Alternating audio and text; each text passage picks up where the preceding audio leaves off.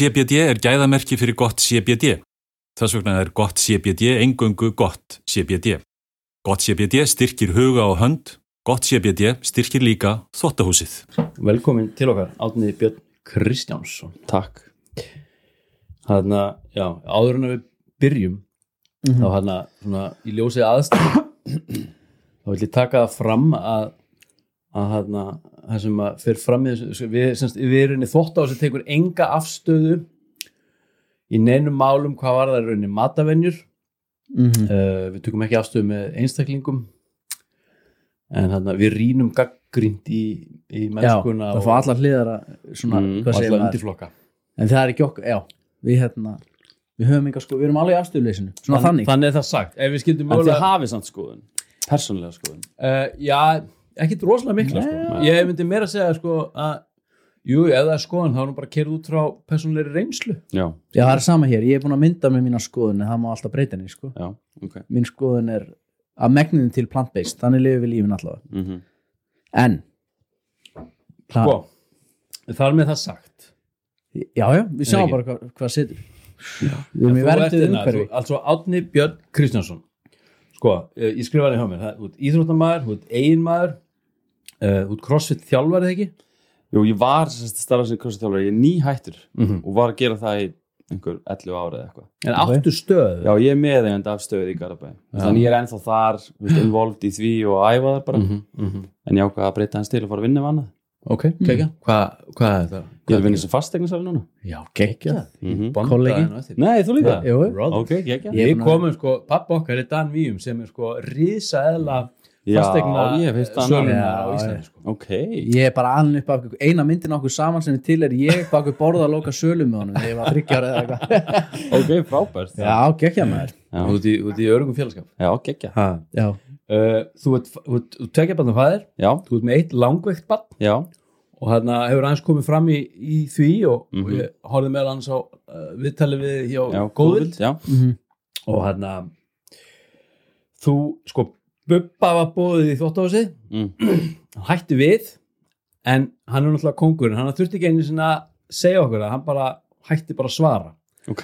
hann er að sko hann er að so far er þú massaðasti gestur þvóttahúsins ok Til þú værið það örgulega ekki að Bubbi hefði verið hérna á undan, Nei, sko. hann er náttúrulega helmassaður sko. Já, Mhm. uh, já, er ég að gleyma ykkur? nei, ég held ekki Nei, ég mitt Tundur. en við, við, við þröngum þér hérna inn á sunnundasmotni mm Mhm.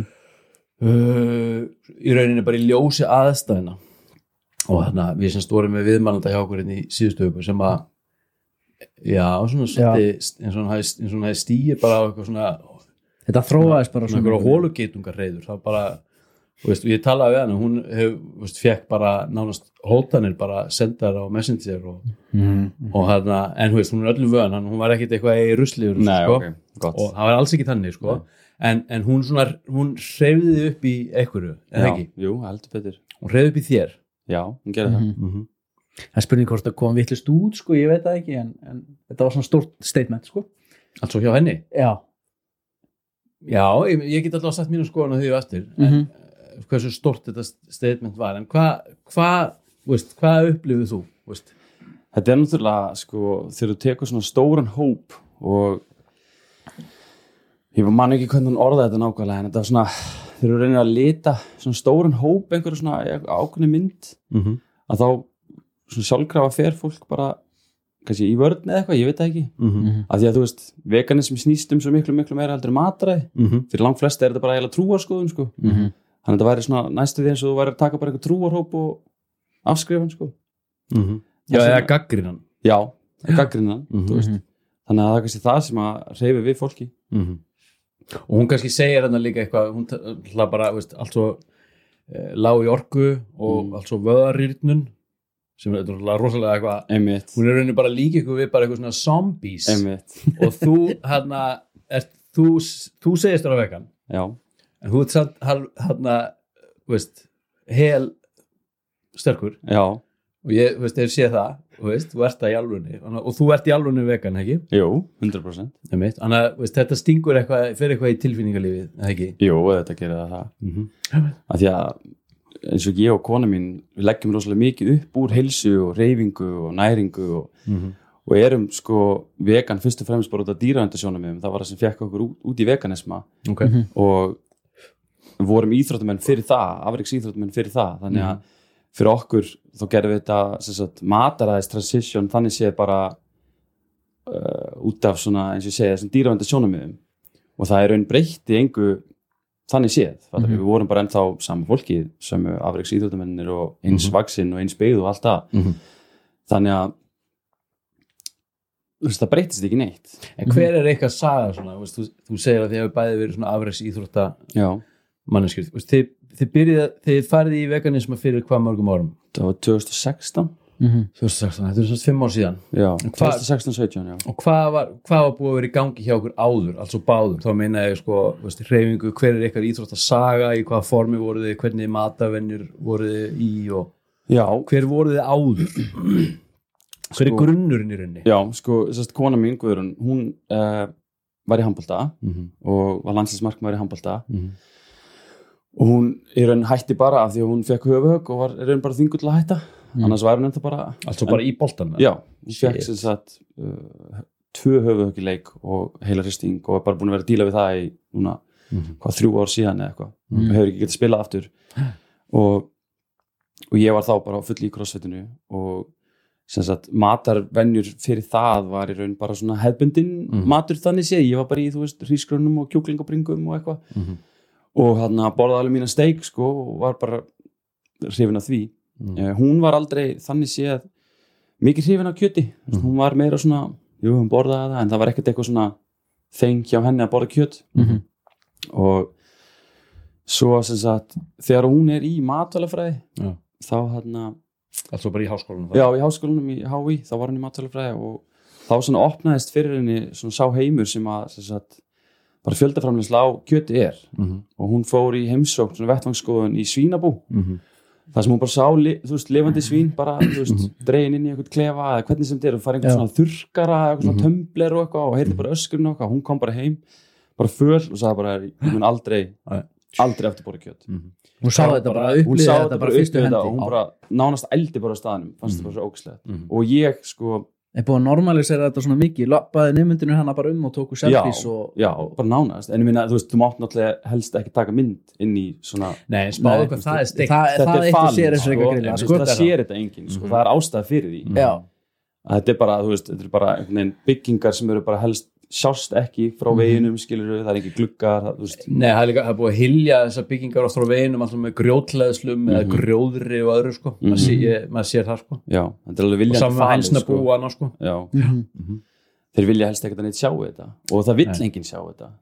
Hvorki sem út vegan eða ekki það vill enginn hafa neitt með þetta að gera. Nei, þannig að hún kom bara heim eftir þessa vettvangsferð og sagði bara, ég mun aldrei, aldrei aftur bóra kjöt. Mhm. og hann þannig að hún var aðeins svona fyrir til og ég bara svona eitthvað, byrju, ó, hvað, þú veist Mhm. byrju, á ég þá bara að borða mína steik einn, skilur, þú veist, það var fyrstu viðbröðu mín. Þú veist, ég var ekki alveg komin þangað. En svo er hann bara svona þannig að hún byrjaði og var bara alveg grjótörð og ég mótmælti svona til að byrja með en hann að svo svona opnaði hún augum mín þú veist, og með einhver heimildamindir þar sem að ég fekk sjálfur að sjá hvað var að gerast. Af því ég hafði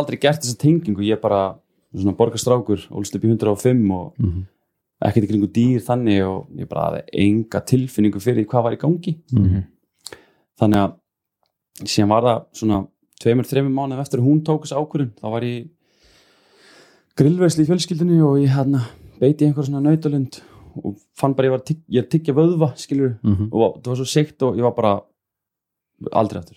Mhm. Aldrei og fannst það bara? Fann það bara. Og hérna sagði henni það bara hún var ekki með mig, hún var úti þá á einhverju keppnisferð. Mhm. Ég sagði bara ég mun aldrei aftur borða dýraafurð. Og hérna bara frá því mómenti hef ég ekki borðað eina einustu dýraafurð. Bara, í engu. Eh, bara engu formi. En tókstu ákvörðun þarna altså ekki bara með kjötið tókstu það ákvörðun líka þá bara allt sem með mjölkurafur já bara, og... bara allt. Ég bara sagði bara ég bara get ekki tekið þátt í þessu. Aha. fann það bara. En hvað með föt og, og bíla og Já, bara því, hvað? því nákvæmlega, því mér langar að koma þess inn á það sko, ég var að ræða þetta á konunum mín í gæð sem er svona freka meðutuð uh, varandi svona, altså júrstæta versus vegani Já, sko, veist, já, hvenær já. ertu hvort veist, getur þú verið vegan og, en gengjum með, veist, með svona Chuck Norris liðbelti og, já sko náttúrulega veganismi svona snýst í raun um að bara takmarka notkun Mhm. eins mikið og hægt er Mm. mm. þú veist, það er rosa mikið livjum sem eru ekki vegan til dæmis Mhm. Já. kannski liv sem þú þarft að fá þú veist, Mhm. Eins og dótti mín sem er langveik skilur, Mhm. ef að það eru liv sem hún þarf að fá Mhm. og þau eru ekki vegan Mhm. þá fær hún þau Mhm.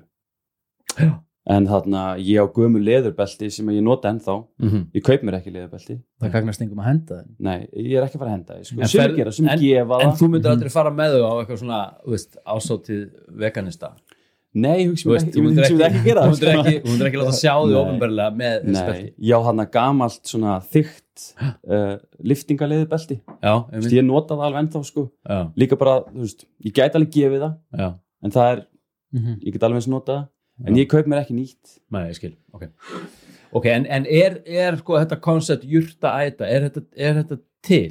Altså, þá plant-based eða, Já, veist, já, er- sko plant-based er náttúrulega annað heldur en veganismi. Ok þú veist, þú er getur verið plant-based þá í raun ertu svolítið að fókusa á bara næringarpartin mm. Mhm. þú veist, þú kannski ekki aðeins út af einhverju hugssjón eða eitthvað svoleiðis Mhm. heldur bara að þú kýst að borða bara plöntu miðað mataræði Mm um, en þá einmitt sko er ekkert endilega þessi svona vegan parturinn af þessu það er að segja, þú veist, veganism snýst svo mikið um þú veist, þessi dýravenduna sjónamið og að reyna bara að exklúta allt í eins miklu mæli og þú getur Mm. þannig að ef þú titlar því að þú vilt þú setja ykkur titil á og þú getur titlað því plant-based og kefti liðbelti sko, Mm -hmm. svo lengi sem þú borðar það ekki. Nei, einmitt.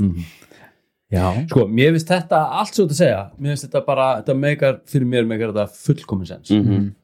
og hérna og þú veist, ég er búin að veltast rosalega mikið með þetta sko, því að þú veist, einhvern veginn fer einhvern veginn alltaf hliðina og ég fann svona fyrir smá svona svona meðvirkni eitthvað akkvært toppu líka sko sem að ég svona þekki ágætlega líka sko og, og maður fyrir eitthvað svona að spáði hvað hún er að segja og svo fyrir ég að skoða þig. Og að fyrsta sem poppar upp í mér það er rauninni veist, þessi tvö hugtök, þú ert með ímynd og svo ertu með fyrirmynd. Mm veist, og þú kemur hann strax þú, svona, veist, þú hjólar ekki í hana en þú, svona, þú ferði í hana uh, sem ímynd sko, veganista. -hmm. talsmaður veganisma. Talsmaður, já, einmitt. En, en, og ég horfa á þig og ég sé þig sem þessi 10% sem að þú er inni sjálfur svona, veist, hefur svona, þú, þú hafður orða á því í, líka í útarsviðtali svo tekið við ykkur í Mhm. vikunni líka. Já, þú veist, þú talar um að 10% af fólki sem fer í veganisma, það gerir það af svona næringar og mat, matvælalegu sjónamiði mm og svo ertu með 90% og það er fólkið, og ég er að vinna með fullt af svona lið, ég er að vinna í skólakerf og svona, Mhm. og það eru svona það eru svona fólk sem vil vera gott í dýrin sko, -hmm. þú veist, og, og hann að og hann að ég, ég persónulega, ég sé þig sem fyrirmynd fyrir vegana, því þú greinlega með hann eitthvað geggjaðan grunn líkamlegu, veist, hvað var það líkamlegt atgerfi og, og næring og annað, hann Þú vantar að þekki vel á líkamann og veist Mhm. hvort Já, þú og að svo þetta og er þið annað sko. saman í þessu þú og konaðin já uh, hún er með háskólagráðu hvað var að matvæla og næringafræði mm þannig að þegar þú fer inn í þetta þá ferðu inn í þetta einhvern veginn af ábyrð gagvart, uh, veist, ekki bara umhverfinu og dýravelferð sem að er Mhm. málið, heldur líka bara gagvart líkamæðin sko. -hmm. veist, því að þú getur alveg bara að hugsa illa um þig auðvitað bara í venlegu fæðu sem og vegan sem ég nefnilega oft sé og hefur Mhm. reynslu af og ég, svona áður við höldum áfram þá, sko, ég persónulega hef, hef, átt tvö tímabila sem ég fór inn í þarna veganisma. Og það voru mjög stutt tímabil.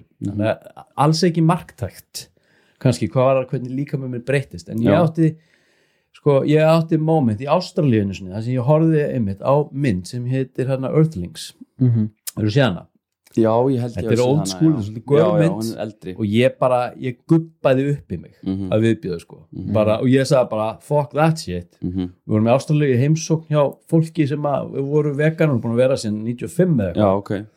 Bara old school vegan lið sko. Og ég sagði bara, ég ætla aldrei að bora kjöt aftur. Bara Mhm. aldrei. Og ég stóð við það í ykkur fjögur ár. Og semst er að vinna sem smiður. Uh, en ég er bara fucked hvað var það einhverja næ, næringafræði sko. Mhm. ég kann ekki að spæla egg og, og ég er bara eitthvað, veist, ég ólst upp á Lucky Charms og Coco Puffs og hann er þegar ég ætla bara eitthvað að fara að vera vegan eða eitthvað, Mhm. þá bara lifi ég á hana á hana Oreo keksi sko og það sem gerðist var það fyrir mig Mhm. og ekkert út af því ég er einhver algjör abaköttur en svona, ég er bara svona average Joe svolítið sko Mhm. að ég bara, ég fór bara að missa þyngd Já, ég fór að missa orku og ég fór í alvörinu að bara, ég fór í ég fór að upplega hana, meiri einhvern veginn ótta í lífinu stress, tögakerfið bara einhvern veginn var ekki að fungera sem skildi Mhm. og hann að og veist, þetta var ekki að virka fyrir mig eins og ég Nei. var að lifa sko. nei, nei, nei fattar það hvað við? Ég veit alveg nákvæmlega hvað átt við og Toppa kemur hérna til okkar og, og veist, hún er auðvitað er bara að vísa í sína reynslu sem er auðvitað bara einhverjir hennar skjólstæðingar sem Mhm. mæta Mhm. Og auðvitað er það liðið sem er í vandræði með sig. Mhm.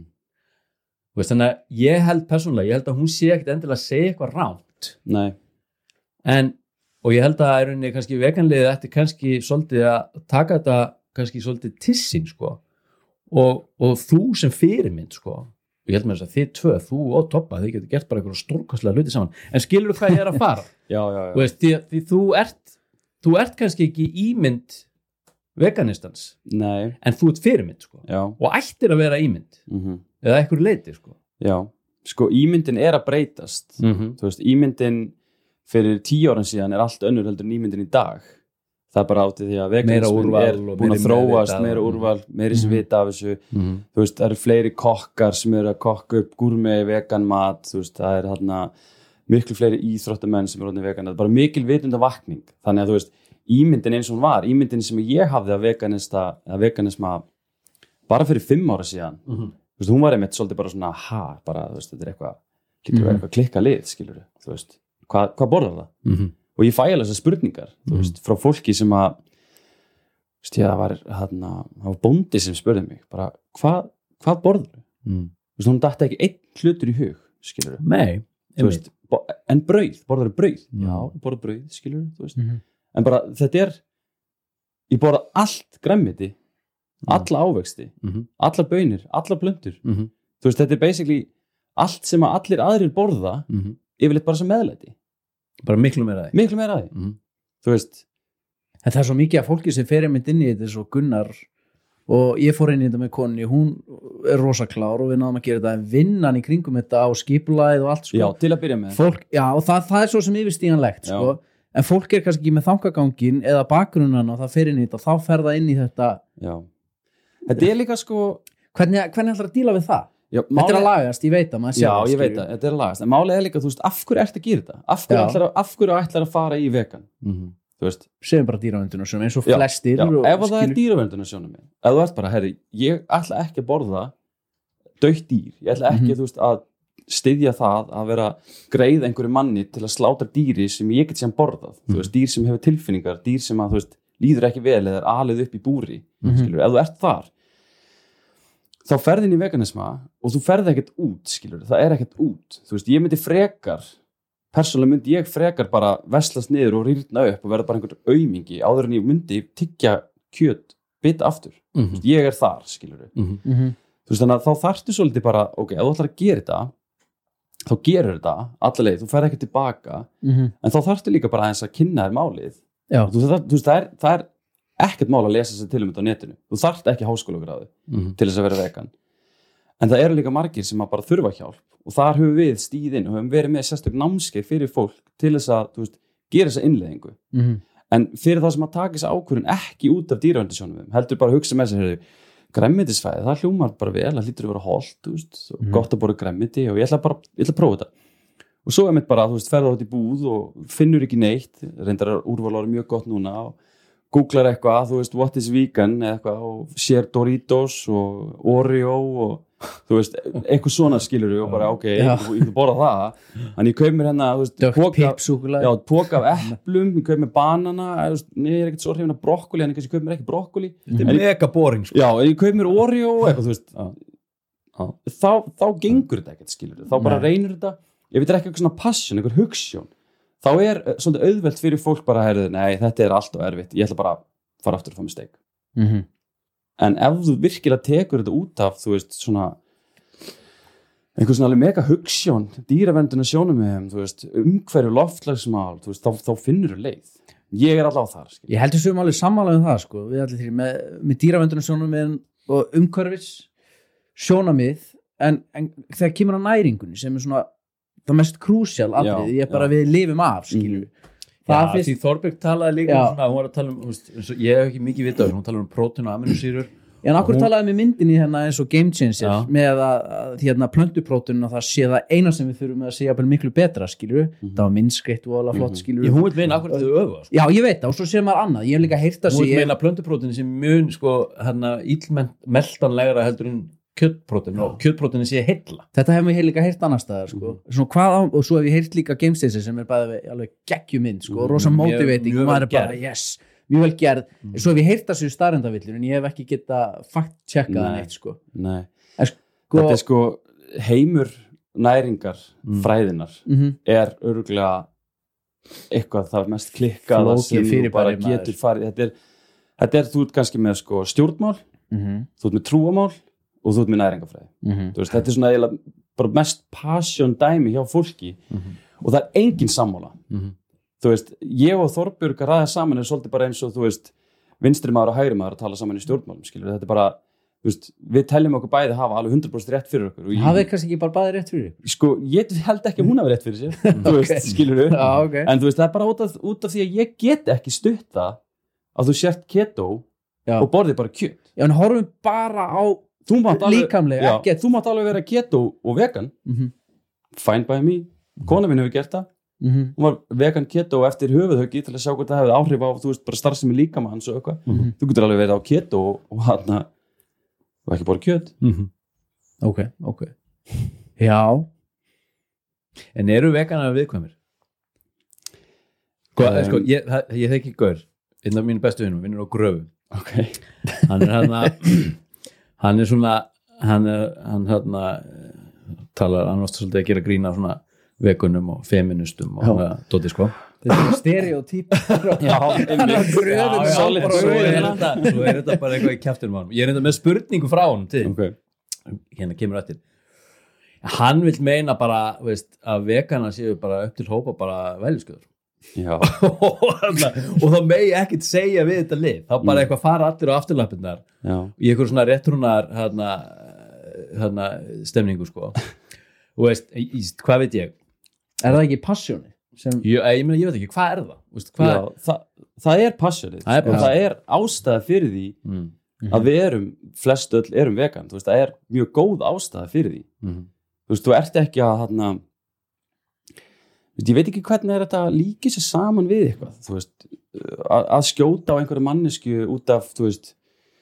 En er hún að skjóta er- eins og í þessu tölun, er hún að skjóta á manneskuna eða er hún bara að tala út frá Lýþelsu sjónamið eigin reynslu? Því, veist, því það sem ég var að segja þú veist, þú veist, þú ert, þú ert greinilega hraustur og fitt og þú ert að gera rétt á hluti spread the word Mhm. skilur þau er að því algjörlega, bara power to the people sko, en s- svo er ég búin að þekkja veist, veganlið í, í 20 ár og, og stæðsti hluti af þessum einstaklingum eru annarkot í ykkur svona þvílíku dörti, dörti veganisma mm -hmm.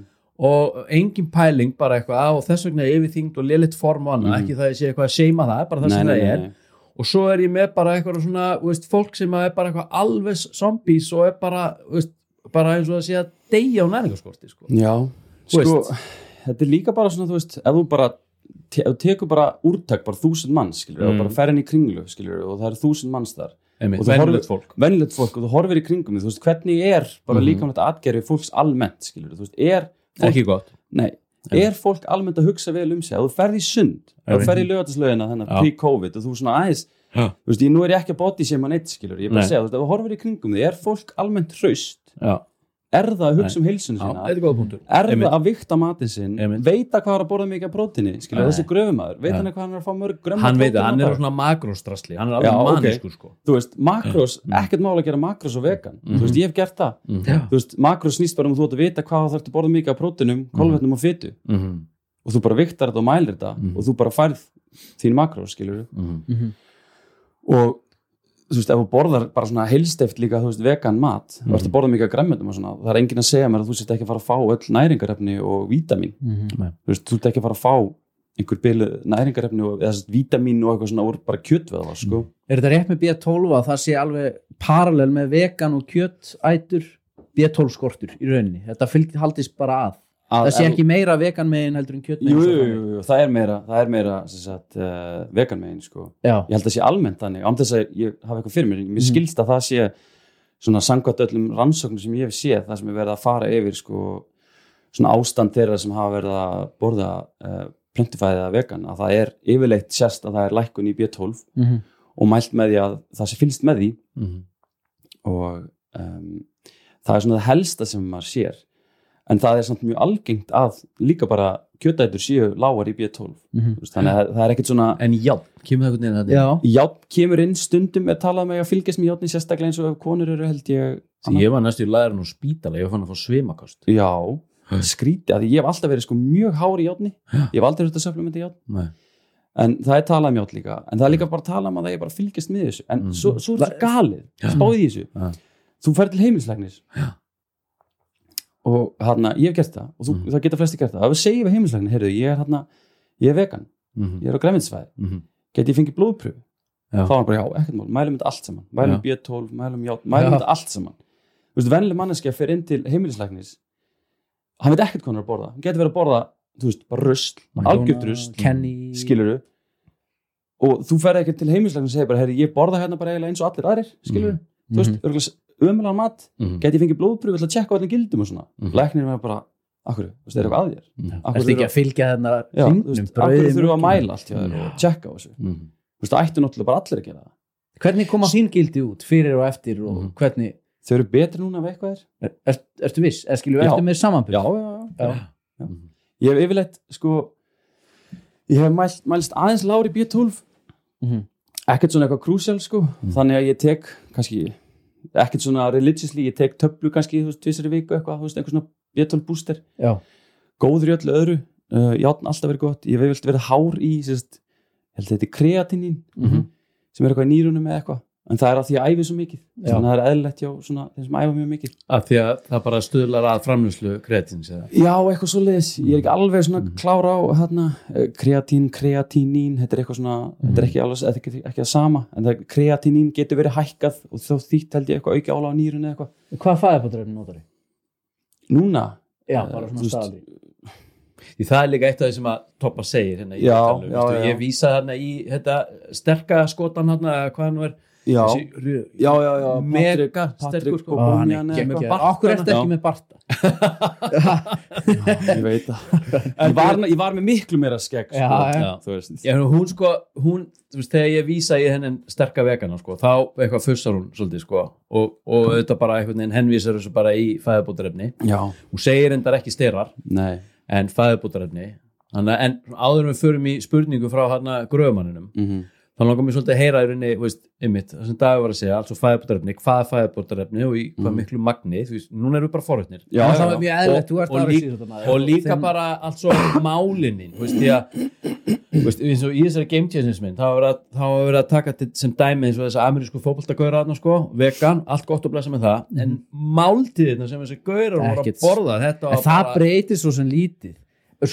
hann fjalla dóti sko. Að- mikilvægasta spurningin er já, hvernig hérna er kynlífi fyrir Mm. og eftir vegan? Í samræfli myndinni aðal sölutriksi Mhm, fyrir svona 50% kallmennu var þegar að á nóttinni það er að aukast í núna? En hvað- Þetta er, þetta er ekki mitt, sko. Nei, ég hef heilt þetta, ég var eftir að grína, ég var hérna bara nýbúin að bora tvo smasshamburger og það var allt lafandi og ég var að horfa átt í kær við sagði, konar er að koma heim og eitthvað, ég hætti að hendi mér salati eða eitthvað, sko, en er þetta, nú bara höfðu þetta á fyrstu hendi, Já, finnur um mun? Já, Ertu með stanslösa morgunbónir, alltaf. Alveg bara, þetta Já. er vesen, sko. blóðflæðið er mun Já, betra ég veit ekki hvað þetta er, en þú veist, það er bara þannig. Hvað ertu gamall, maður spyrja? Ég er 30, verður 34? Hmm, einmitt, áður en þá með aldurinn með þér sko. Þetta Svo breytist leiðið, upp skilur við. þetta, Er sko. það samt? Nei, ég veit ekki, við getum spurt þið aftur eftir tíu ár, séð hvað þú ert sko. Já, þannig að, en- ok, það er pluss Það er mega pluss, Það er mega sérstaklega fyrir þig, þú ert mikið fyrir mig, já, já, já, svo sem sko Þannig að ég er Það enda, er svolítið á því allt þetta með, með bónirinn og annað, mér þetta að vera svolítið svona ofmeti sko, kynlíf og allt þetta drasl. Þetta Þú er ert ekki svolítið í bara- þessu. Já, þetta er orka lífsins líka, sko. það er bara þannig sko. en það hérna En, ok, en, en, ok, hefðbundin typikal dag, þú ferði eitthvað tjóðan í ræktina og þú refsar hana, þú ögrar þingdaraflinu Já, refsar þessu drasli, grítur þessu grítur þessu niður hvað þetta getur við daginn Mhm. og hvað þetta setja í þig á af fæðbótarefnum mm -hmm. Og svo kemur spurningin fyrir gröfumæðurinn, hann skoðaði myndaðir á Instagram. Saðan hann er pottastyrum hann sagði þessi gaur hefur líklega verið á styrum eða er á styrum Mm. þannig að þetta er spurning frá hlustanda. En taktu bara allt spektrumið. Já, sko Viltu að ég fara bara yfir dag með þér? Eða? taktu Já, bara svona fæ- dag, fæðbótarefni og styrna klassísku dagur er bara, þú veist, morgumatur í, nei, hérna, hérna, hafragrautur í morgumat Mm. eða tófúræra eða fasta eða fasta. Já. Ég fasta mjög oft. fasta þá bara til hátis eða Já, af því að hérna, fram yfir æfingu já, mér fannst það ekki gott að borða eitthvað mikið, þú veist, fyrir æfingu og ef þið vilt alltaf á mótnana. Þannig að var að vel þannig, þú veist, þegar ég var alveg á fullu, þú veist, nú er ég búin að slaka eins á, ég er svona nánast komin í retirement. Mhm. En það var alltaf þannig að ég æfði kannski 9 til 11 og svo aftur 1 til svona 3 kannski, mm. það voru svona kannski 4 tímar dag Mhm. og þá borðaði maður kannski eitthvað létt í morgumat eða ekki neitt, þá var bara að tala um smá hafragraut og banana, æfing uh, eftir æfingu yfirleitt svona frekar stór máltíð, stórt salat með tofu eða þú veist hrísgrjón, sætakartöflur mikið að vinna með bara svona tofu veist þetta reyna tofu sko. Mhm. sem við skerum að bita að marinerum það. Sem er geðið boring þar til þú gerir eitthvað. Já þar til þú gerir eitthvað þú veist, bara hvað getur þú skipt út úr í tofu, Mér finnst tofu að því ég fótt í norður kóru eina sem ég fekk að borða voru hrísgrón og tofu já það er ógislegt, það var ekki svona svolítið slepjulegt Það og- já, já, það er það Þetta versta sem þú getur fengið. Já, og veist, síðan það hef ég ekki getað fundið líkt Nei, það þarf bara að elda það rétt. Og það þarf helst að pressa það svo ertu bara að skera það litla bita góð marinering, sojasósa, tamari og eitthvað inn í op, bakar þannig, það verður þetta bara svona svolítið stíft, krispís. Krispi ok, geggja gott sko. Þetta er svona það reynasta sem þú færi skilur þetta er bara, bara pressa Þetta er bara svona na, bónustofu. bönir sko, já, getur ekki bara bara bönir í staðin þú getur bara bönir jú, mjög oft borða elska ég bara, þú veist, indverska bönirrétti erum við ennþá í morgumatum hana já, Nei, við erum komin í hátegismatinn þetta, er alveg alveg málti sko og hún þarf að vera svolítið stór, skilur ég er ekki að vikta eða þú veist mæla þú veist, ég passa bara að það sé þú veist, ég með eitthvað prótangjafa ég er með kolvetnugjafa sem er svona aðaldæmið. Ég þarf ekki mikla fytu þú veist, ég er ekki þannig íþrótt. Þú veist, ég þarf kolvetni. Þannig að þú veist, eins og að vera keto myndi aldrei virka fyrir nokkurt sem er í crossfit. Það bara er ekki hægt. Nei. það er svo mikið high intensity, ég hef reynda sko, ég hef prófað keto og og bara hvað, brennur bara út eða eitthvað? Já, þú bara raun, sér bara móðu og þú svona, nánast bara líður yfir því sko. af því að þetta er bara, þú ert í svo háum púls.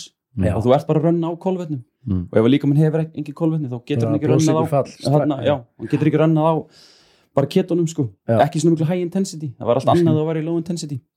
Ok, og setni æfing séðan eitthvað snarall, þú veist, bara dölur að borða ávisti, banana, epli, netur svo kvöldmatur heima. Ég elda ekki, kona mín eldar við getum alveg bara sagt það eins og það er. Mhm. þú veist, þá er það mjög mikið, þú veist, bakaði kartöflur, settir kartöflur alltaf sætsalat Mhm. síðan, þú veist þetta uh, marnera tofu um, seitan, borðum seitan sumir er ekki hrifnir að seitan Hvað er af- það? því Það það er búið ógeðslega til glúteni þú veist, þá er raun tekur þess að kveiti Mm. og það er svona unni á þann hátt að það sérst kolvetnir eru tekin út úr því Mhm. Og- eru þið að vinna þetta? nei nei, við erum ekki að vinna þetta, það er hægt að gera þú er raun bara, Mhm. þetta er svolítið bara eins og að gera sko brauðhleif, mm.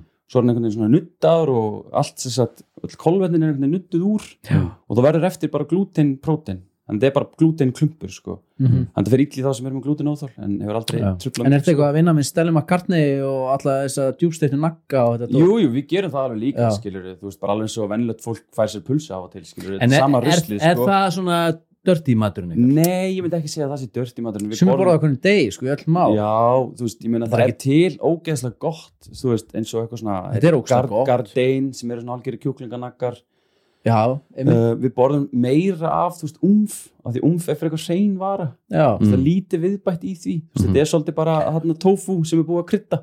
Já, Ok. er umfið er mjög er mjög veist að vera svolítið dýrt. Er það vilt sem er? Ég fæ þetta náttúrulega allt frítt, sko. Já. Nei, ég er að tjóka.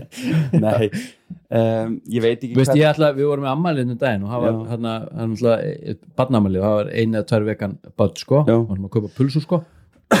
Og það var bara eitthvað svona umf pulsur, Mhm. bara fjóra pulsur það var bara eitthvað 1600 kall eða eitthvað já. í alvörinni sko Nei, til að byrja með eru sex í pakka ok, Þannig að það var aldrei fjórar ok, Þannig að- já, en ég reiknaði mig til með eitthvað Já. 300-400 kall pulsum Já, ég, ég veit, veit ekki alveg hvort þetta sé þú veist mikið dýrar en eitthvað annað ég Mm. bara, þú veist, það getur vel verið sko. Mhm. en þú veist, þú setur ekki præs á hamingju og hérna lífstíl hugssjón þú Já. veist. sammála en Ok. fæðabóðrefni já, fæðabóðrefni Já, en byrju, þannig ertu búin að bora kvöldmat. Já, Ertu svo eitthvað eitthva að mönsa fyrir söfninu eða? já, ég er náttúrulega algjör mönnsari sko. Já. en þú veist, þá er það bara Pandalakris og lakrís, þú veist, dögt súkulega þannig að komið svo ógeðslega mikið úrval núna af bara vegan nammi skilur Mhm. þú veist, í veganbúðinni, þannig að þú vilt eitthvað svoleiðis, þú veist, ger ég það alveg. Um, Doritos Pringles, þú veist, þetta er svona lögadags skilur þú veist, ég er ekki að borða þetta öll kvöld fattur, nei, nei, en þetta er alveg, veist, til hellingur eitthvað svona. Mhm. kona mín er náttúrulega, veist svona next level holl, sko. Svona Mhm. óþólandi holl, hún er bara svona Hollan er þú? miklu hollar en ég, sko. Já, ég var þetta sko. Ég var 130 kíló sko fyrir uh, 13 ára síðan.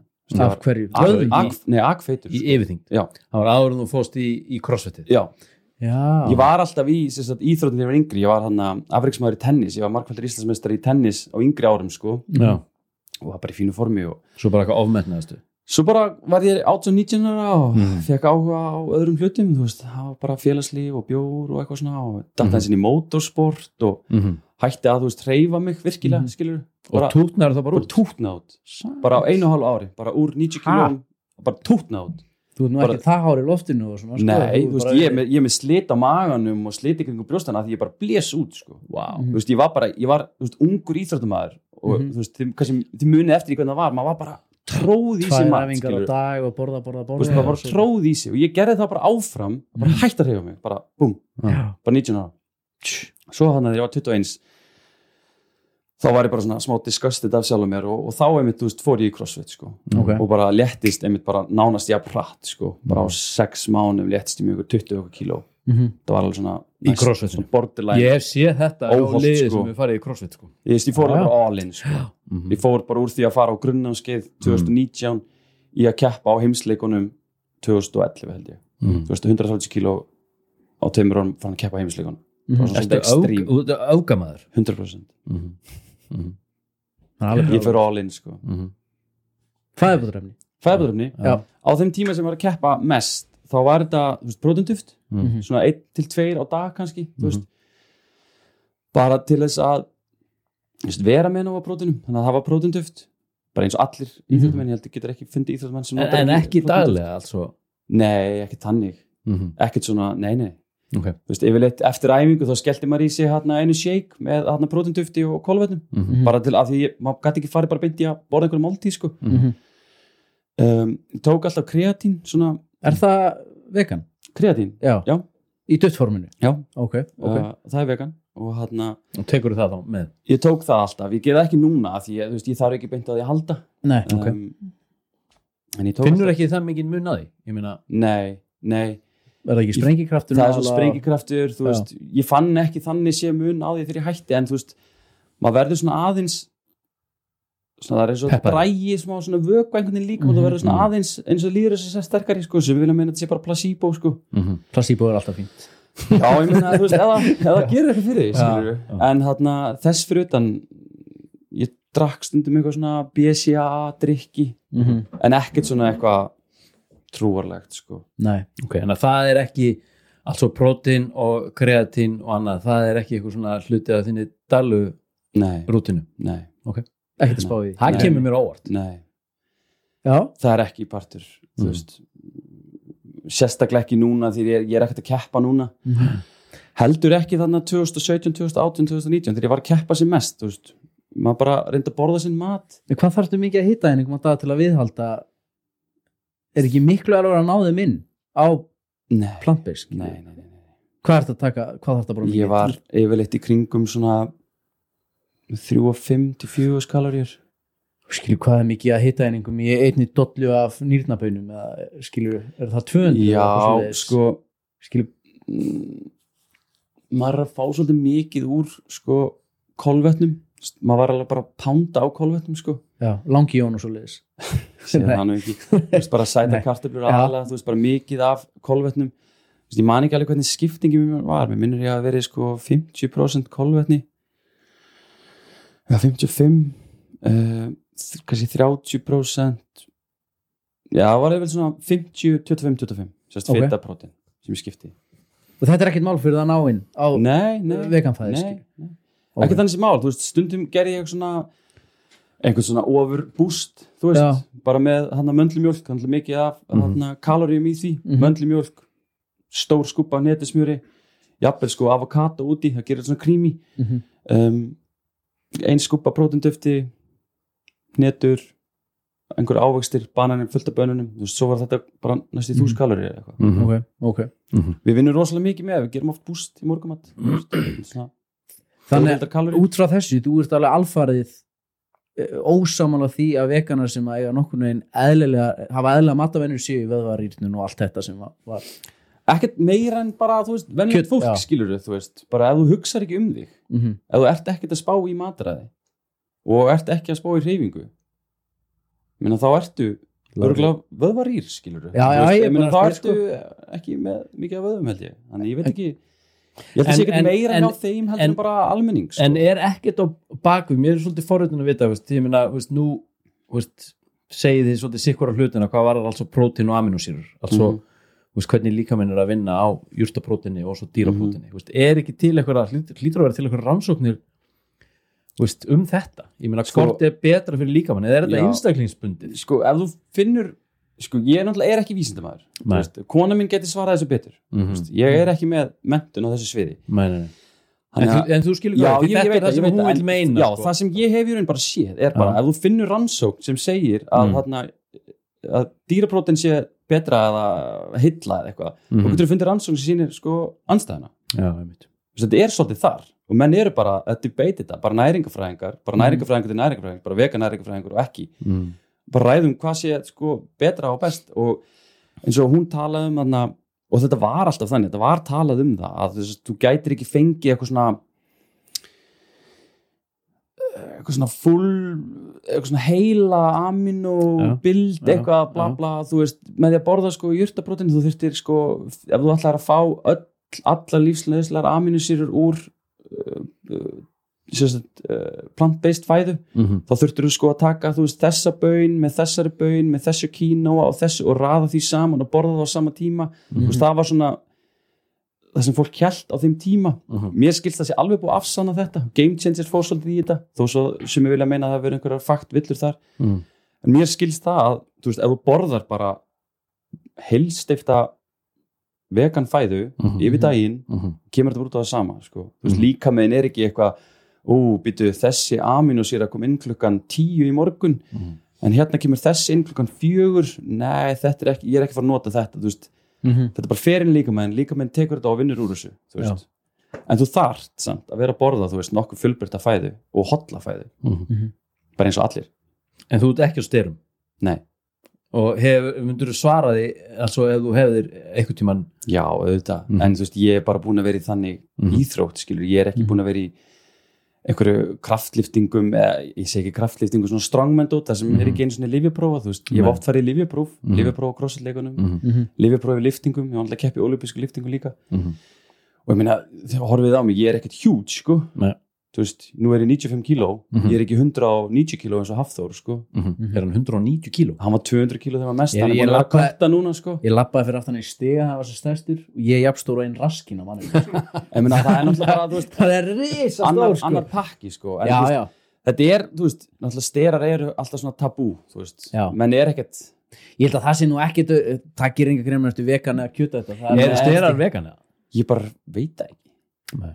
Bara reynilega veit það ekki það er kannski markaður en, það, en Nei, það sko. er eitt sem kannski allt í lagi bara að nefna, hérna veist, veist, nú er ég orðin 45 ára og, og ég hef orðið svolítið Testist hann Já, er alveg, sko, málir, ég bjóði í Danmarku 15 ár og, og þar eru þar eru allir menn bara svona ég myndi bara að segja bara ekki allir menn, ég ætla ekki að fara aðlega nú ætla ég að segja, að koma mér í geðu vandræði mér veist bara, oft bara danski menn vera bara svona oftalir hérna, litlir velgjór, sko. Lágur í testist þér hann Já, og sama tíma þá er hérna, er rosalega mikið um hérna ófrjósemi. Og veist, og bara tíundu hvert bat sem fæðist er tæknifrjókuna bat mm -hmm.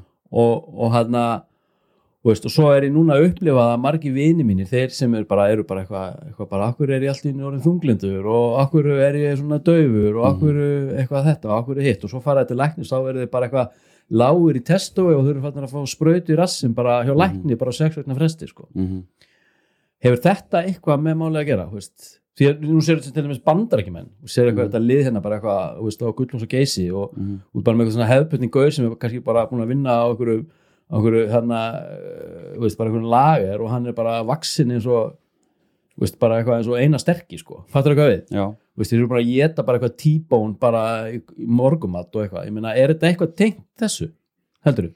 að þá að borða Já, bara kjöt, mataræði og, veist Mm, veist, er karnivor hérna, típan sem gaurin sem bara eitthvað getur um bara, þú veist, kjöt bara í svefni, veist hann er, er- ekki bara að er vera hann er hann hærri í nei, testói Nei, en- ég get ekki ímynda með það sko Ok án þess að við einhverja rannsóknir bak við það sko mm. um, Hefur þú ég, fylgst með þínu testosterón? Já, já, ég læt alltaf mæla það Ég er alltaf Mhm. frekar hár sko Gerur það bara hjá læknið? Já, og hérna Af hverju gerur það? Ég bara, þú veist, afreiks íþróttumæður ég vildi bara vita, er ég hár í testa er ég lár í testa, þú veist, er ég hár í þessu lár í þessu, þú veist, þarf ég að bæta eitthvað? Mm. En yfirleitt hefur þetta komið mjög vel út og eina sem að, þú veist, hefur komið út úr þessu var að læknirinn sagði, það gæti verið sniðut að taka B12 annars leið, Mhm. en þú veist ég líka bara hef verið sjálfur undir alveg svona, þú veist alveg helluða álægi, þú veist, Mhm. með hérna Mhm. Mhm. Þú veist, stelpan okkur vaknar alltaf einu sinni tvisar á nóttunni og að hlutur brenna upp testoðu sko já, þú veist, átta ár sko Mhm. þú veist, þannig að við náum aldrei heilum svefni Mhm. þannig ég var svona á tímabili bara svona, veist, getur verið að ég sé að verða lágur í testa, skilur Mhm. þú veist, bara, ég er ekki eins ferskur en þú veist, og ég, ég let mæla þetta á læknir sagði bara, þú ert ekki lágur í Nei, Þú en er það ekki bara þú þarf bara að sofa Það er líka æfing- Já, að þú ert að lifta Mhm. þú veist, en ef þú tekur hann einhverja danska danskan vinnin, skilur, sem Mhm. er bara vælikjói eins og þú, þú orðaðar það Mhm. Þú veist, ég orðaði það sett hann í Óvarkárt sett hann í, þú veist, sett hann í smá prógram skilur, láta Já. hann fara að lifta fjóra sinni í viku, bara Já. byrja bara mjög rólega Já, þú veist, láta hann lifta Bara kickstart á kerfinu koma þær á stað, Já. skilur, það eiga allir að lifta, saman Já. hvort það er þú veist, Já. frændiðin, Já. litli frændiðin Já. þú veist, sem er 16 ára Já. bara láta hann lifta, Refsa Já. eða þú veist, sjötur afiðin, Bara bara eitthvað smá Já. skilur, ég tala um eitthvað pínu. Já. bara þannig að vöðvarnir sé að vinna, halda þér gangandi Er þetta ekki málið? 100% Mm. Klálega. Þú veist, ef þú ert bara, hugsa um er okkur Þú- stór hluti sko. þú liftir, skilur, þú ert að gera styrtaræðingar og ég er ekki að tala um að gera eins og ég er að gera einhver ólípiska liftingar eitthvað, þú veist, snörun hérna upp fyrir haus sem er bara, þú veist, og hendur einhver venlu manni það getur bara dottur axlalið, skilur það, það er svona tækni dæmi, ég er að tala um, þú veist, gera einhverja smá liftingaræðingar, þó svo þessi bara að fara í einhver svona tæki, skilur sem ég hef aldrei notað, ég hef aldrei farið í vörklass og notað einhver svona tæki, skilur Mhm. en þú veist, gerðu eitthvað til að, þú veist bara vekja líkamann, örfa vöðvana þannig að hann sé eitthvað að vinna, skilur annars bara á endanum þá bara skreppur saman og þú bara deyrð, skilur En Þetta er svona allavega tilfinning skilur. Það er rosa margir sem farin í veganisma af hugssjón og passjón og Mhm. a- alls konar ástæðum en það er líka rosa hátt brottfall ef svo má segja skilur já, Á hverju heldur að það sé? Brottfall úr veganism Já, bara þú verður vegan, þú, horf, þú bara fær eitthvað svona epiphany eða þú bara ert mikill dýravinur og alls og framvegis ég er ekki er aðhæfa nei, nei, nei, ég veit Þú ég veist að þetta er bara rétt, ég ógst að erfitt með þetta Svo bara, umræðuefni. ah, fuck, ég bara, Af því ég að get sem ekki svona, þú veist, hugssjóna maður sem svona passion maður Mm. að, þú veist, fyrir mig Mm. ef að manneskja Þú verður að setja þig inn í spóra annara ég veit sko. það, ég veit það, nú er ég Na. að hugsa skilur bara fyrir mig, þegar ég horfa á þetta út af við þegar einhver segir við mig, bara, heyrðu, Ég bara gæti ekki meir skilur. Átni, ég horfði á Dominion veist, ég er það? Dominion er ein, ein af þessum heimildamyndum það sem er bara að sína, þú veist, illa meðfæra dýrum og Ok, fjöldaframsættum já, já, og mhm.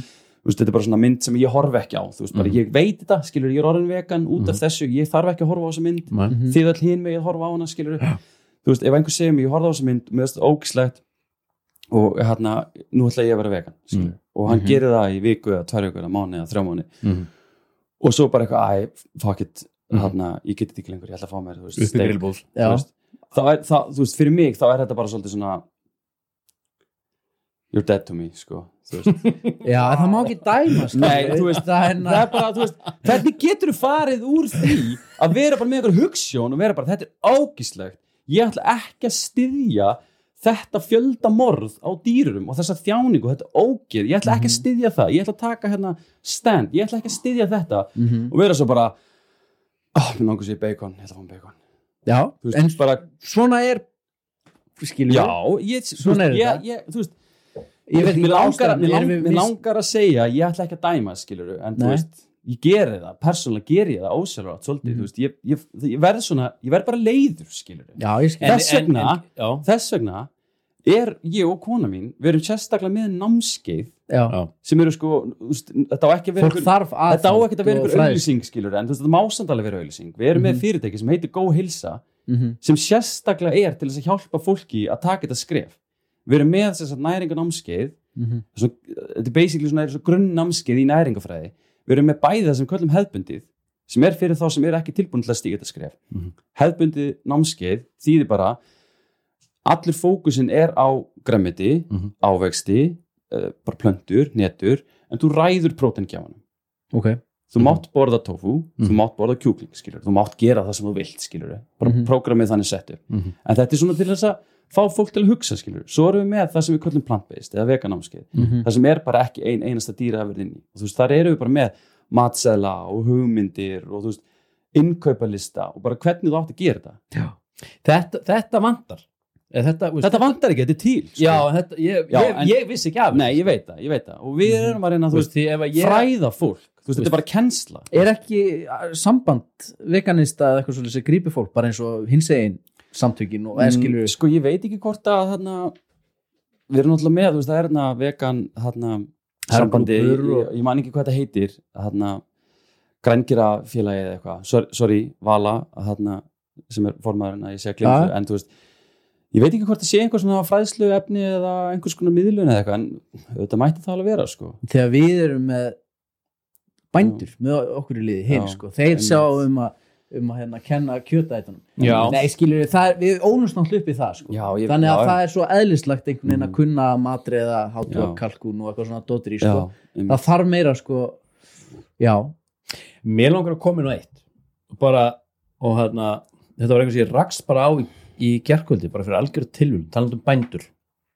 Ég googlaði altså plöntufæði versus vegan og ég datti nú grein hjá bændablaðinu. Já, og bændablaði er þeir eru ekki bara eitthvað að prómóta kjöt, það er líka hellings skórækt og hampur og, grænt, og hampur og hvað veit ég sko.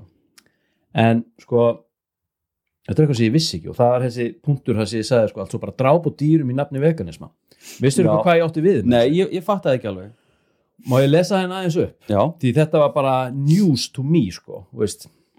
Því ég held þú getur verið vegan og verið í alvörunni í dýravendunar hugssjónu, þá held ég að það krefjist rosalega mikils að þér hvað varðar í rauninni sjálfbærni á matvælum.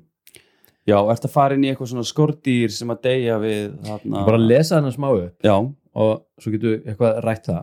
Sko, dæmi, ástralst bíli þar sem að þú ert að rækta ertur og, og bönir uh, agrar eru verndaðir í rauninni af veiðumönnum veist, altså bændur borga veiðumönnum til þess að, að drepa dýr á öllum toga. Þetta getur verið dádýr, þetta getur verið poaches eða hvað það heitir bara alls konar dýr, þetta er bara drepi gegn þeim skilurum, þess að vernda agrana gegn þeim skilurum að, að, að dýrin séu svo notið til manneldi sem ekki látið bara rotna út agri uh, ég las að sko, það eru fleiri dýr, altså í fjölda drepin við að framlega prótin úr kveiti en úr kjöti aðalega nagdýr, altså það er að vera að tala um eitra fyrir músum og annað, það er- búið að mæla cirka 25% fleiri, altså í fjöldi dýra því líf er líf. Lesið hérna ástralskir hrískronabændur þeir sko á fimm ára tímabilið þá, þá drepaður um 2500 endur til þess að venda agrana uh, ofan í það að þeir eru að beina vatnirunni í agrana og freka þurru landsvæði og fyrir vikið er að breyta og hafa áhrif á, á lífríki þær í kring alveg bara með þvílíkum afleðingum mm svo er þetta með hunangi sko, hunásflöðunar þú veist, sko veganar borða ekki hunang en blíflugur eru samt algjör lekill í ræktun og græmmiti og þá fór ég þar aðeins neðar það sem að kemur fram að bara í sko, hvað var möndluræktun eins og bara í Kaliforníu þá þarfst að nota sko 80 miljardar bíflugna og þeir þurfa að ferðast eitthvað á milli eitthvað svæða og helmingurinn af þessum bíflugum á hverju tímabili bara drepast. -hmm. fattar og, veist, og ég hef getað meir, ég hef getað fundið fleiri svona upplýsingar og ég var bara alveg oblivious fyrir þessu, ég hef aldrei heyrt þetta. Mm Þú veist, þannig að við erum að tala um eitthvað svona ábyrð og taka eitthvað afstöðu og það er okkur svo auðvelt að taka afstöðu og fara svo bara eitthvað út í bónus og kaupa eitthvað með vaffinu á sko. en hver er sagan sko? -hmm. hver er ábyrðin mín ef ég er raunverulega að taka afstöðuna fattar þú hvað við? Já,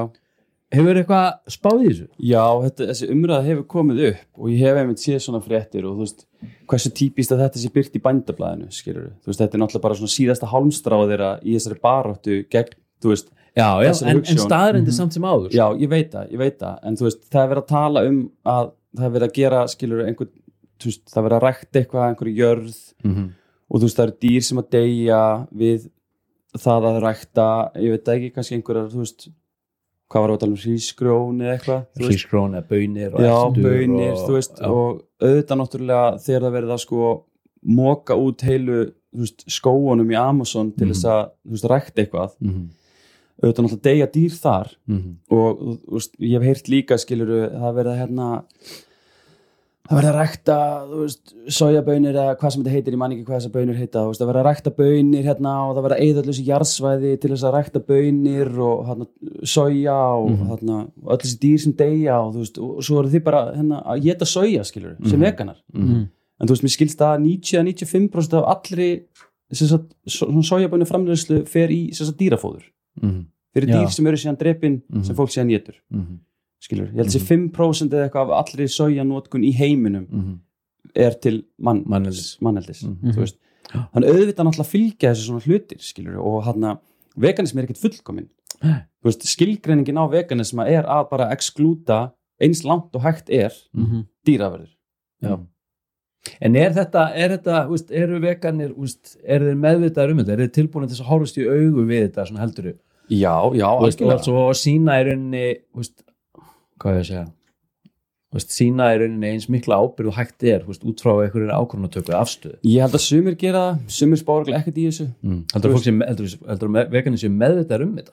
ég, ég get bara ekki svara fyrir það ég, hérna, ég vil vona það að þú veist, menn séu meðvitað um þetta þú veist, ég er alveg meðvitað um að þú veist, heimurinn er ekki svartur og hvítur sko. Mm. þú veist, þetta er ekki ég meina, Því það er alltaf að tala um kjötætuna sem vill ekki sjá inn í sláturhúsið, já en þannig eru að tala um veganan sem vill ekki sjá bak við innæðin og þetta er kannski ekki eitthvað nei, um allan innæðin. ég held hvað almennt þá veist, menn hljóta að vera meðvitað um þetta þú veist, Mhm. vita bara að þetta gerist skilur og maður, auðvitað vill maður ekki að þetta gerist, en veist, þetta er partur af þessu, maður er ekki fullkominn, maður er að gera sitt besta Mm. ég veit alveg að þarna veist, ef ég keiri hringvegin Mhm. Veit þið hvað ég dref marga flugur Svo 100.000. þú veist, mér finnst það ekkert gaman, skilur þú veist, mér liður vel með það Nei. en Svona er þetta. gæti líka labbað en þú veist, þá fara það upp í munnin á mér, skilur þú veist, Mhm. ég spýtin út Mhm. maður er ekki fullkominn, maður getur ekki gert allt rétt en við teljum, nú er, nú er ég að tala fyrir hund vegana, skilur, en þú veist, ég tel mig vera að gera það rétta í stöðunni Já. eftir bara að hafa kynnt mér allt saman og þú veist og ég er heilbriður, skilur Mhm. var í heilsurannsók núna hjá hana, íslenska erðagreiningu af því að, að því að með COVID að síðast ári, þá var ég sendur svona heilsurannsók Hvernig var COVID það farið? Eh, Vim Hof farið þetta drast bara? Já, það fór ekkert illa í mig sko veikindin, ég var veikur í viku Já. og hann Bara flensu veikur þá? Já, alveg svona fekk smá hita á beinverki og var svona ég tók ógst að fyndi þarna Instagram story Já. og var eitthvað svona, að ég lá heima og var eitthvað veikur og veit ekki hvort ég sem er manflu eða COVID var eitthvað svona að djóka, Mhm. veist, fór í test tók það upp í story skilur þú stakk pinnanum upp mig. Já. og svo bara þú veist, daginn eftir sett ég inn story bara, æ, með COVID. Ég held þetta væri bara flensa skilur en það var bara á þeim tíma það sem allir bara, þú varst með hór þá fórst í test. Já, að því ég var ekki búin að umgangast neitt og það var null smitt búin að vera á þessum tíma. Þú veist, þegar ég greinist þá kemur þetta í fréttunum tveir voru smitaðir, mm það var ég og held ég pappminn Mhm. trendsetter. já,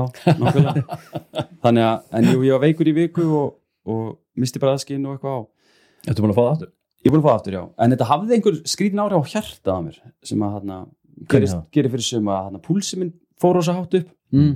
hann var bara, bara upp úr öllu valdi sko, þannig að ef ég reyndi eitthvað að æfa þá bara sippaði mínúti og fór púlsi minn yfir 200 bara, Ertu ennþá að díla við það? eða? það er svona skána núna og Það er rosalegt. árið setna sko. og ég þurfti að fara á lif, blóðþrýstingslif Af því að Tengir blóð- þetta bara beint við þetta? Já, þetta var bara COVID, skilju, það var bara allt eðlilegt svo fekk ég COVID og fekk háum blóðþrýsting þú veist, ég var bara afverk síðan Mm. Svo er komin blóðþrýstingslif, Mhm. bara þetta COVID Mhm. og engin getur sagt, veist, það veit engin af hverju sko almennilega þetta er Mhm. en vírusin getur vist lagst á hjarta og sumum og hann Mhm. að ég þurfti að fara á blóðþrýstingslif og og hann hvað var meira já og það sem kallast beta-blokkera sem hægir á hjartanu sko Mm -hmm. en það var í svona þrjá, fjóra mánu Er þetta ekki bara passion í þér sem er að gera þetta? Þú kenna COVID um það? þetta ég veit ekki hvað þetta er. Já. er ég með háan blóðþrýstinga því ég er svo reytja svo mikið út af einhverjum kjötætum. Nei, Nei, en þarna, ég var sérst, það sem ég var að segja með þessar rannsókn, ég var í hilsu rannsókn ári eftir COVID og hann lítið vel út. Það er gott. Þú, mér er svo að þólprófið var ég bara Mhm. góður. Þannig að allt gekkja Eitt að lókum, hann að sko, þú þú ert með, erum með ketoið og erum með þetta carnivore dót hann og svo erum við með eitthvað hann að pescitarian eða hvað það heitir og, Pescaterian já, og svo er það veganið og Flexitarian. Flexi og langaði líka að spyrja því, hún talaði um hún, hann að Þorbjörgum, hún var í ketoflex. Ég meina, og ég fannst bara, ketoflex, er það ekki bara þetta ekki bara að borða allt, ég meina getur verið vegaflex, eða veist? Nei, en það er ekki hægt, Einhver, Nei. nei, ok. Eskilu, jú, þú getur það. Nei sko, Það er ekki þetta, þetta flexitarian hefur stundu verið kallað flexitarian.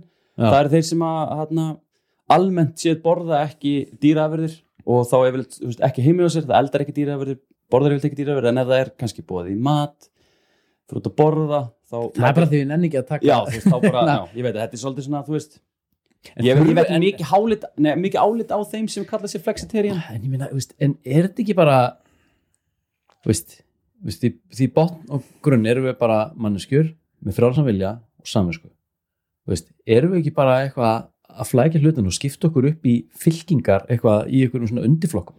Getur ekki bara hægt þessu rugli og bara hver og einn maður bara borða sem maður vill út frá sinni einn saminsku eigin bara líðan? Veist, þurfum við eitthvað að vera að kalla þetta nokkuð skapaðan hlut? Mm, veist, ég meina, þú segir eitt, þið finnst það að vera rétt, svo kemur Þorbjörguna, hún segir annað og henni finnst það að vera rétt, svo fáum við örgulega eitthvað, eitthvað kjöttalibanna hennar, einhvern tímann, eitthvað karnivor skilur og hann segir bara, það er bara kjött, alltaf kjött, hitt er bara rusl, veist, ég meina, mér finnst persónlega bara erfitt að segja þú veist, að hver einn með, auðvitað gerir fólk gerir bara það þetta hefur við skilur. samvisku líka, sko. já, þú veist, ef þú Mm -hmm. ég hef alveg sagt þetta við vinni mína, ég á vinni sem að veiða þú veist, og þeir eru eitthvað, "Ú, ástæðilegt að ég fara að veiða þú veist, ég á Mhm. fullt af vinni sem veiða, bæði fisk og fugla og eitthvað, þú veist, og ég segi bara, þú veist, hey, ef þú hefur samvinsku til að fara og horfa í augun á dýrinu og skjóta það taka þetta líf, skilur Mhm. hjá, hjá lífveru Mhm. sem að er með hjarta, er með heila er með hugsanir, Mhm. er með tilfinningar. Ef að þú hefur samvinsku í að skjóta það í hausinn fláða og borða það Mhm. you do you, skilur þannig er það bara, Mhm. Þú veist, ég get ekki breytt því En- Ég geti það ekki, sko. Nei, ég meina, ég get það ekki. Nei, ég geti borðað, það er svona ákveðin hræsni, sko. Það er það, það er þessni, sko. Já, ég ætla að grill í kvöld, sko. Já, ég, já. Við ætlum að grill í gera, er bara svo mikið rigning. Tófu þá eða Nei, sko, við, sko, ég, myndi, sko, ég myndi segja algjörlega óskipulagt í okkar tilvilli hérna, ég vinn í skóla sem er græmiðsfæði ég myndi segja kannski svona 5-10% af því sem ég borða er altså innheld kjöt sko. Ég, og, og það er algjörlega ómeðvitað það er bara einhvern veginn þannig hefur það Mhm. þróast sko. og Mhm. ég veist kjöt bara mjög gott og ég, við en- settum krakkan okkur á vegan skóla, sko mm já, Það er líka bara að kenni þeim, þeir eru bara heima fá sér búst með brokkoli og baunaspýrum og bara, hvað er í gangi, skilur Já. En þetta krakkan í kunna ekki þetta, það er rosalegt sko. En það sem að myndi keira mig það var þessi umhverju sjónamið sko og það er sem að, veist, það myndin hérna Game Changer sé bara eitthvað pinningavel eða eitthvað propaganda hvist, hvað veit ég þá kemur það fram alltaf samkvæmt þessum rannsóknum sem að þessi maður gerði eins og ég sagði við í síman að veist, það er sama hvaða kjöt eða mjólkur yðnað þú skoðar Mhm. Þú getur ekki hvort þetta sé massíft eða bara eitthvað fjórar endur sko, þú, þetta, þetta getur ekki verið til nema að skilja eftir sig kóluninspor, þú getur Mhm. ekki gert það á þess að sé á kostnað umhverfis Mhm. þannig að það var kannski alveg á þeim fósendum sko. Mhm. en þetta er rauninni bara ég enda bara á einu stað og það er rauninni kannski svona sun gazing ég kynntist manni í Ástralíu sem að sérst ekki á að borða í 16 ár sko. hann hann drakk bara vatn og svo bara eitthvað sun gaze hann, Mhm. hann borðaði ekki Mhm. Þetta er náttúrulega bara ég var með þessum manni í, sko, í fjögra daga brúðköpi Mhm. og hann borðaði ekki Já, já, ég minna En hvernig leit hann út?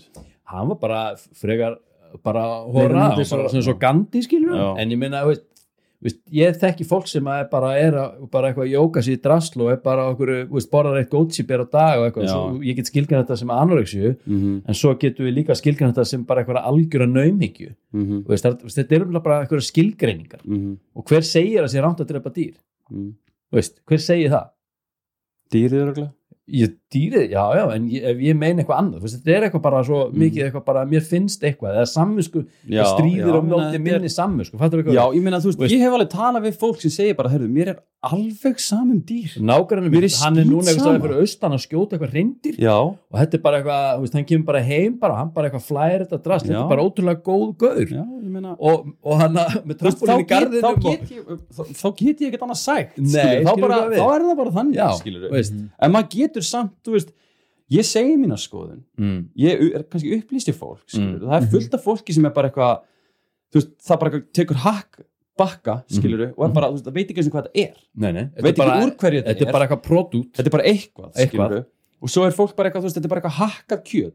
Já. eða pulsa, Já. eða naggar eða what the fuck, skilur einmitt. og svo er það bara eitthvað, ó, byrju, er þú út að borða umf og það er eitthvað, þú veist, unnin vara þú veist, Mhm. come on. Mhm. aðalega er ég að borða ávexti og gremmiti og bönir og netur skilur Mhm. jú, jú, ég fæ mér stundum umf þú veist, vörur eða einhverja gardein nagga, skilur en Mhm.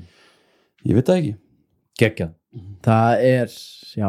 Mér finnst þú geggjaður, mér finnst gott að fá þér. mjög skemmtilegt spjall. Og, hana, og og upp hana lýsandi. Já, og gaman að en og ég finnst bara, þú veist, ég er alveg á því eftir þetta viðtal alveg svo ég var fyrir, þú veist, fyrir mér ertu kannski ekki þú veist, ímynd veganistans fram að þessu.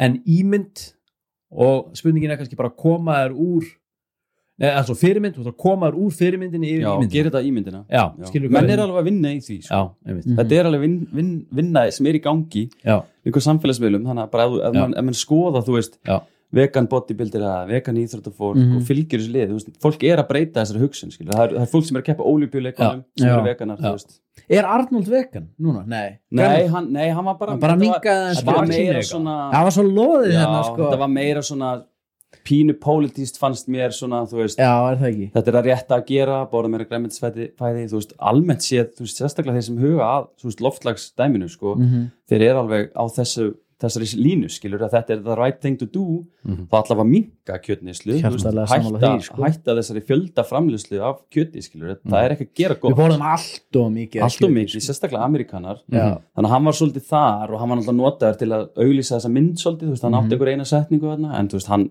hann borðar alveg áfram kjöt, sko, Mhm. en þú veist, það er þessi samt svona vakninga eiga sér stað og þú veist, Greta Thunberg til dæmis sem er bara Mhm. einhver magnaðasta manneski sem til er, ótrúlega mögnuð stelpa, þú veist, hún þarna predikar veganfæði skilur við, það, það er ekkert annað í hennar huga sem kemur til greina. Nei.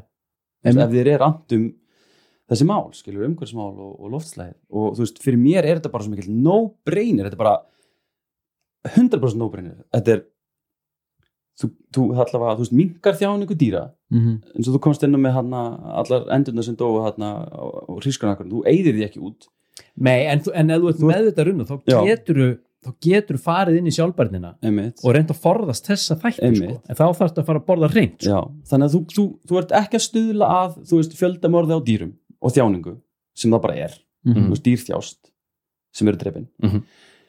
Þú ert að stuðla að hana, þessum umhverfstætti, betri loftslagsmál Mhm. minkar kolumnars fótsporið þitt, skilur við, þú veist, allavega einhver leiti Mhm. og að þú gerir þetta svona þokkalega vel og kynir þér aðeins þá er þetta hilsu líka, þú veist, gott fyrir hilsuna bætandi þannig að þú ert mista þrjá hluti Mhm. þannig að af hverju óskupunum ættir ekki að gera þetta Ég held að þú þurfir, þetta er svo Íslandi lítið og þú ert hann hellaður, massaður ég held að þú ættir að fá þér hann að fara meira eins og hann talaði um áður með bartana Mm. að gera eitthvað meira úr þessu altså ég sá fyrir mér án svona Mr. T hanakamp mögulega svona feita gullkeðu vera alltaf bara beru ofan í vesti eða eitthvað mm -hmm. og benda svolítið mikið á þessi 90% já skiljiði mm er það eitthvað taktík, eh, sko maður sé er það það að vera grjótarður og það er annarkost eða? Já, eða Og bara taktu svona- ábyrgð á sjálfuðu sem vegani farðu að, farðu að, að, að la, sko, þetta snýst um aðlöðun sko. þetta er svolítið svona no Og þessi bullshit ní- þessi attitude sem að 90% var Mm. náttúrulega bara eitthvað svona shot in the dark skilur, ég bara segja þú veist það eru rosa margi sem fara út í vegan mm -hmm. og er alveg drullu saman heilsuna sína. Bara alveg svo fullt af það þarf að fólki. benda á þetta lið af hverju, ég meina það, þú veist að þetta hefur líka með líðhelsu að gera. Já, auðvitað, auðvitað, en það á við um alla og ég þá ekki bara, á ekki bara röltinu í laugavegin og benda bara, hei, farð þú í ræktina. Það þarf að gera það. það eru, aðrir í því. Það, er engin af því, það þarf það alveg sem þarf. hvort það er vegan eða eitthvað annað. Það þurfa allir að huga heilsunni sinni Mhm. Mhm. og þarna og ég náttúrulega, það var svona upp fótur og fet hérna í COVID-inu. Mm. við ætlum nú kannski ekki að fara þangað en þeir eru lokuðu líkasættastöðum ég var alveg gífurlega ósamála því ég grét bara veist, þú veist, og að bara, gefa ekki fólki tækifæri á að þú veist, rækta sér sjálft bæði, þú veist, líkamlega og andlega heilsu Mhm. í þessu ástandi Já. það sem öllu máli skiptir Já. að þú sért heilsurhöstur Einmitt. ef þú færið COVID en þú er galið. þú gast farið í leikhús Já. Nei, það er galið sko. já, það er alveg galið Mhm. alveg bara sturla sko. Mhm. sérstaklega með hvernig settið upp og hvað, þetta, er- þetta, já, erum við ekki bara búnir það? Jú, nema við viljum taka annan eh, þátt bara í kjölfæri með COVID eða? Já, við ætlum að vera í bólusetninga þátt það væri alveg gaman einhvern tíma kannski. Það, við, það er bóluefni vegan, veistu það? ég held ekki. Ertu ég er ekki viss, ég er ekki bólusettur. Ég ég er náttúrulega með mótefni og allt þannig ég, ég fór ekki í bólusetni Já, sko. ok. og ætlar ekki að gera það? Ekki nema að ég einhvern tímann mælist með ekkert mótefni þá kannski skoða ég það en ég er ekki komið þangað sko. Já, en það, það getur verið gaman að fá saman altså svona út frá næringalegu sjónum með veist, þig eða Torbjörgi þessum, það getur verið gaman fyrir ykkur bara að hittast líka. Mm. já Yes, þetta er Hver veit? geggjað. hver veit, hún alltaf flúði til Danmörkur eftir viðtalið hérna. Já það er málið. Já, já hún er þetta býrðar en hún, hún er í örgu skjóli. Já. já, en þarna sko ég held þetta er bara við getum náttúrulega að tala hérna bara fram á kvöld ef við vildum sko, um Já, alls konar hluti að fá sko. þig. já, bara takk fyrir mig. og bara power to the people og hérna keep on trucking. Yes sir. Amen, takk, geggjað